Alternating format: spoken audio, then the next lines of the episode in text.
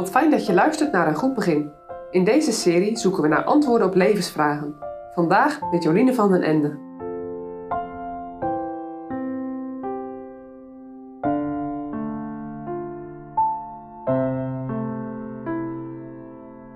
Rondom het thema persoonlijkheid wil ik vandaag met jullie nadenken over belemmering of zegen. En ik wil daarvoor een Bijbelgedeelte lezen uit Genesis. Genesis 13, vers 1 tot en met 11. Alzo toog Abraham op uit Egypte naar het zuiden, hij en zijn huisvrouw en al wat hij had, en Lot met hem. En Abraham was zeer rijk in vee, in zilver en in goud. En hij ging volgens zijn reizen van het zuiden tot Bethel toe, tot aan de plaats waar zijn tent in het begin geweest was, tussen Bethel en tussen Ai. Tot de plaats des altaars, dat hij in het eerst daar gemaakt had. En Abraham heeft al daar de naam des Heren aangeroepen. En Lot, die met Abraham toog, had ook schapen en runderen en tenten. En dat land droeg hen niet om samen te wonen, want hun haven was vele, zodat zij samen niet konden wonen. En er was twist tussen de herders van Abrahams vee en tussen de herders van Lots vee. Ook woonden toen de Canaanieten en Ferizieten in dat land. En Abraham zei tot Lot: Laat toch geen twisting zijn tussen mij en tussen u, en tussen mijn herders en tussen uw herders, want wij zijn mannen broeders. Is niet het ganse land voor uw aangezicht? Scheid u toch van mij. Zo gij de linkerhand kiest, zo zal ik ter rechterhand gaan. En zo gij de rechterhand, zo zal ik ter linkerhand gaan. En Lot hief zijn ogen op en hij zag de ganse vlakte der Jordaan, dat zij die geheel bevochtigde. Eer de Heere Sodom en Gomorra verdorven had, was zij als de hof des Heren, als Egypteland, als gij komt de Zoar. Zo koos Lot ver het ganse vlakte der Jordaan. En Lot trok tegen het oosten. En zij werden gescheiden, de een van de ander.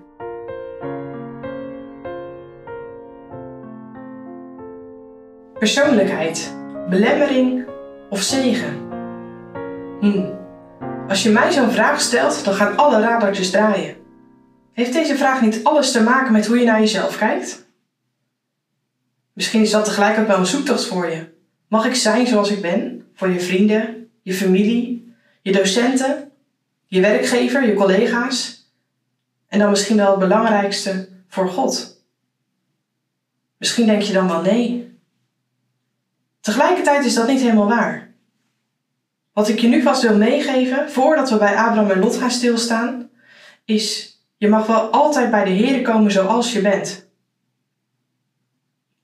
Zojuist hebben we het Bijbelgedeelte van Abraham en Lot gelezen. Een stukje uit een veel groter verhaal. Ik wil samen met je stilstaan bij het karakter van deze twee mannen. Maar eerst een vraag. Wat zou jij doen als je daar boven op die heuvel staat? Abraham die koos de route met oog voor de verbinding.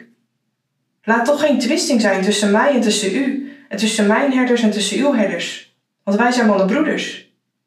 Laten we vooral geen ruzie maken, Lot, het is het niet waard. En vanuit deze gedachte liet Abraham Lot als eerste kiezen. Is het verkeerd dat Lot dan als eerste kiest? Vanuit sociaal opzicht zou je zeggen: Lot, laat je oudere oom eerst kiezen. Maar Lot maakte gebruik van de mogelijkheid en keek het land over.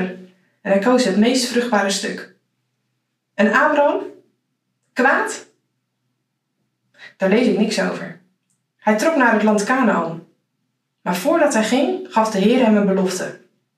Hef nu uw ogen op en zie van de plaats waar gij zijt, noordwaarts en zuidwaarts en oostwaarts en westwaarts. Want al dit land dat gij ziet, dat zal ik u geven en uw zaad tot de eeuwigheid. Abraham zette zijn tent op bij Hebron en bouwde een altaar. Hij dankte de Heer. Is de persoonlijkheid van Abraham op dit moment een belemmering voor hem?